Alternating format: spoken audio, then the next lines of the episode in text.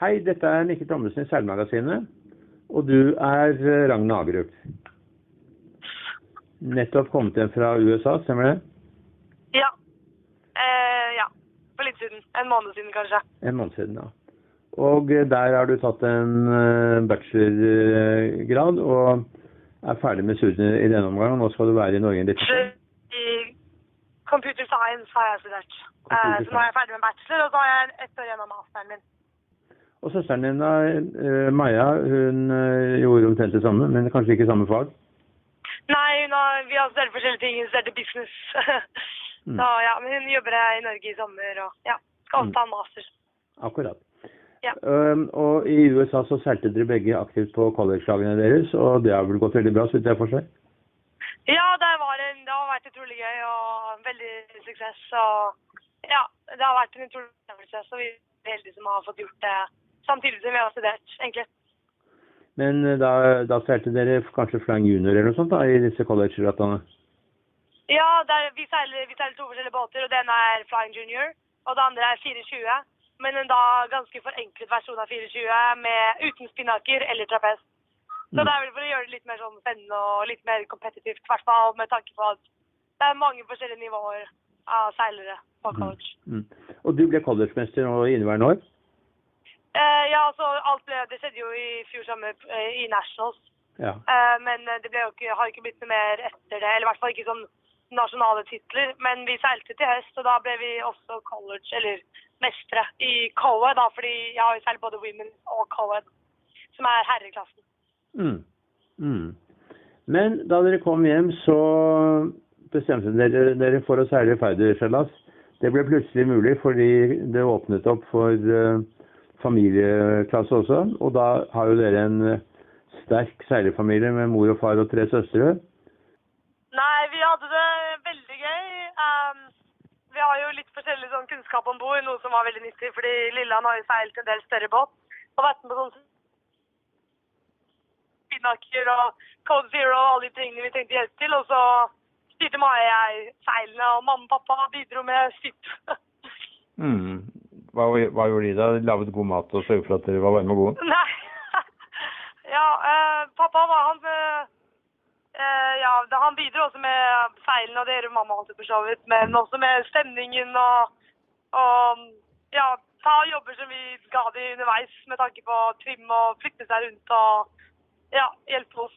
Mm. Men eh, fortell litt om uh, ferdigklassen sånn som det gikk for dere. Eh, hva, hva slags veivalg gjorde dere? Til å begynne med så var det vel ganske enkelt, for da var det østavind ut fjorden, men eh, så skjedde det Ja. masse underveis. Ja, eh, vi, det var en del vind til å begynne med, så det var den uh, av Drøbaksundet var ganske flytende. Vi kom oss ut der fint og hadde bra vind og gikk på utsiden av Gullholmen der vi trente en del med tanke på de andre båtene i vår klasse. Og så var vi først med å runde Hollenderbåten, og da når vi snudde så døde vinden betraktelig. eh, og gjorde det vanskelig for oss å eie spinnaker blant annet, så lå vi dessverre ganske lenge opp Drøbaksundet etter det. da, Så jeg vil si at vi var ved Gullholmen på vei tilbake igjen klokken kvart over seks. Så vi gikk ikke i mål på klokken tre på morgenen. Men eh, på, på veien tilbake, det var da vanskelighetene begynte. Når, da du rundet Hollenderbånd, så var det ca. 40 minutter foran eh, Ja. Kristen Hvitt eh, og, eh, og hans familiebåt. Ja. med Silje og Sivert, da, som er sønnen hans. Ja.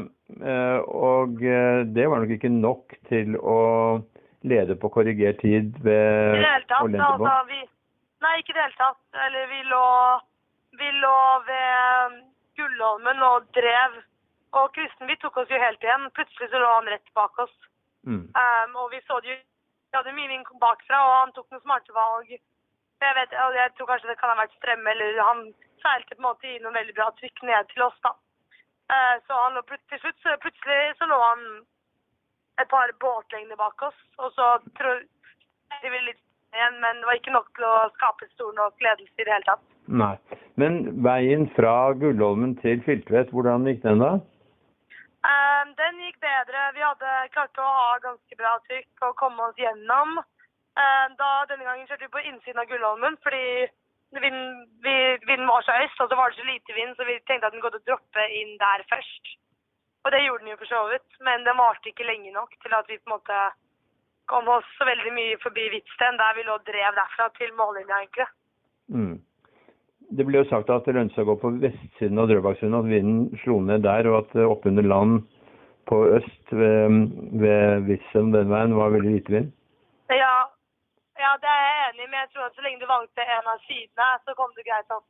Hvis du var i midten, så var du helt ferdig.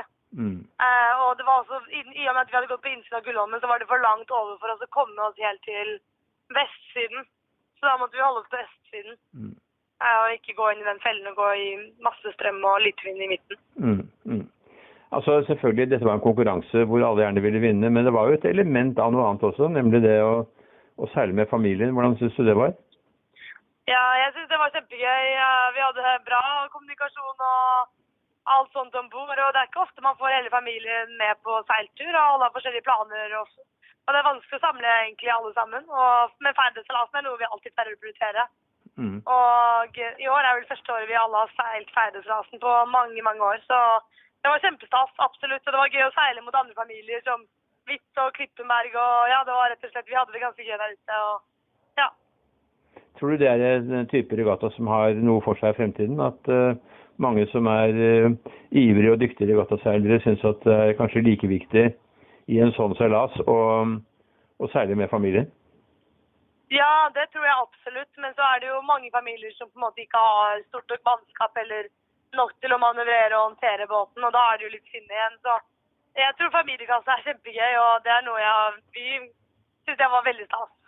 Men man må jo tenke på at det er mange andre som på en måte ikke kommer så bra ut av den der eh, løsningen. Mm. Mm. Det var jo en annen eh, familie hvor det var bare to stykker, far, far og datter. Det var eh, Mikkel Wisle og Ja. hans datter Kitty. De, de seilte jo da en annen klasse hvor det var tur uten spinnaker. Ja, Og der var det jo ikke noe respitt, så der var det bare å komme først i mål, og det gjorde jo de. Så det Ja. var jo deres form for familieseilas, men eh, Ja. det er selvfølgelig også en mulighet. ja, det er sant. Og det funker jo det også. Og ja, veldig godt poeng. Hmm.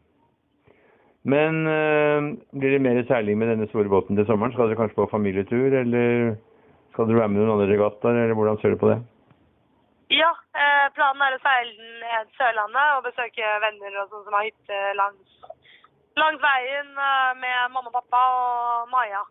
Så Mm. det tror jeg blir gøy. Og vi har jo masse planer med å seile båten de neste årene, og annet kanskje seile den opp til Lofoten og ha den der et år. og ja, bare utforske egentlig hva det er vi kan i Norge. Mm. Fordi vi har mulighet til det og er veldig heldige. Mm. Men regattaseiling på høyt plan, det er noe du ikke kommer til å fortsette med? Eh, jo, eller det kommer kanskje ikke pappa sin båt med familie, men jeg vurderer definitivt å seile andre typer båter og større båter, og har jo sett litt på forskjellige muligheter. Hva tenker du spesielt er noe du har lyst på? Nei, jeg vet ikke helt. Uh, jeg har tenkt ut å, å være med på Volvo Ocean Race, som jeg begynner i 2022. Ja, Det kunne vært noe, ja. Ja. Så det kommer jo veldig an på hvordan jeg er i livet med tanke på jobb og sånne ting. Altså, det er mange ting det liksom kommer ned til, men eh, Og også det å når jeg flytter hjem, så har jeg veldig lyst til å være med på det J70-laget til KNS, det jentelaget. Det syns jeg virker veldig spennende. Mm. Så jeg syns det er gøy at det er mange muligheter. I hvert fall selv om man er ferdig med å seile OL-båtene.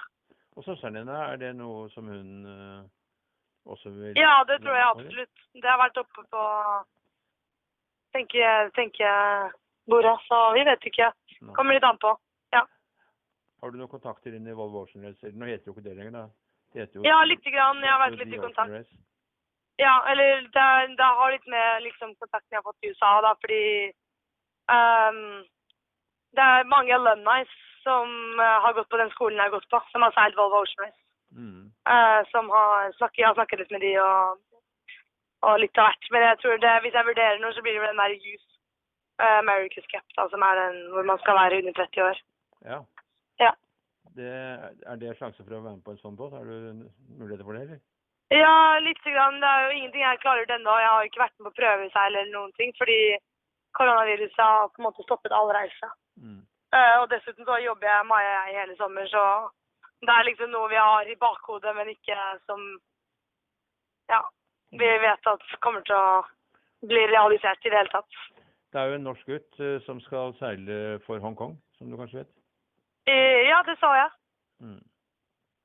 Men, Det er eh, kjempekult. Ja, men det er jo muligheter. Så dere satser jo litt på det. Men når det gjelder dameseiling i Norge, så er det jo Silje Bratthagen Hvitt som er Yes. eh, veldig i fronten på det, og som jobber med dette Magenta-team i eh, England, som er jo et utspring fra mm, jentebåten i Volvo Ocean som var sponset Ja. av et svensk selskap. Ja. Er det, er det noe du lukter litt på, eller? Ja, ja, altså definitivt. Jeg, eh, det kommer jo an på hva som skjer neste år med tanke på jobb og sånn, hvor mye tid jeg kommer til å ha, eller om jeg kommer til å putte det helt på hylla for å seile litt igjen. Um, det er veldig vanskelig å si. Jeg, jeg vet ikke engang hva det er jeg har tenkt å jobbe med hvis jeg skal begynne å jobbe, så jeg må ta en ting av gangen. Jeg må flytte hjem først, og så Mm. får jeg prøve ut de forskjellige mulighetene. Altså, The Ocean Race er jo veldig spennende, for der er det to klasser. En for uh, de eksisterende båtene som var i Volvo Ocean Race, som er uh, disse mm, 65-foterne. Ja, Og så er det jo en annen klasse for uh, Imoca 60. ja, nettopp. Og, eh, og det er vel den Imoca 60 som er spesielt spennende, fordi Ja. foiler jo alt det der. ja, det ser helt sykt ut. Mm. Ja, ja. Nei, men det er veldig spennende. da. Vi skal følge med på det, da, så vi kan Ja. skrive om det, eller uh, intervjue når, når det er kommet litt i gang med det. ja, jeg tror man må vente litt med det. ja. Nei, men Takk. jeg ønsker dere en god sommer og eh, god Takk, seiling. Mikkel, i like måte. eh, og det skal bli spennende å følge dere begge to. Takk. Ha det bra. Ha det bra.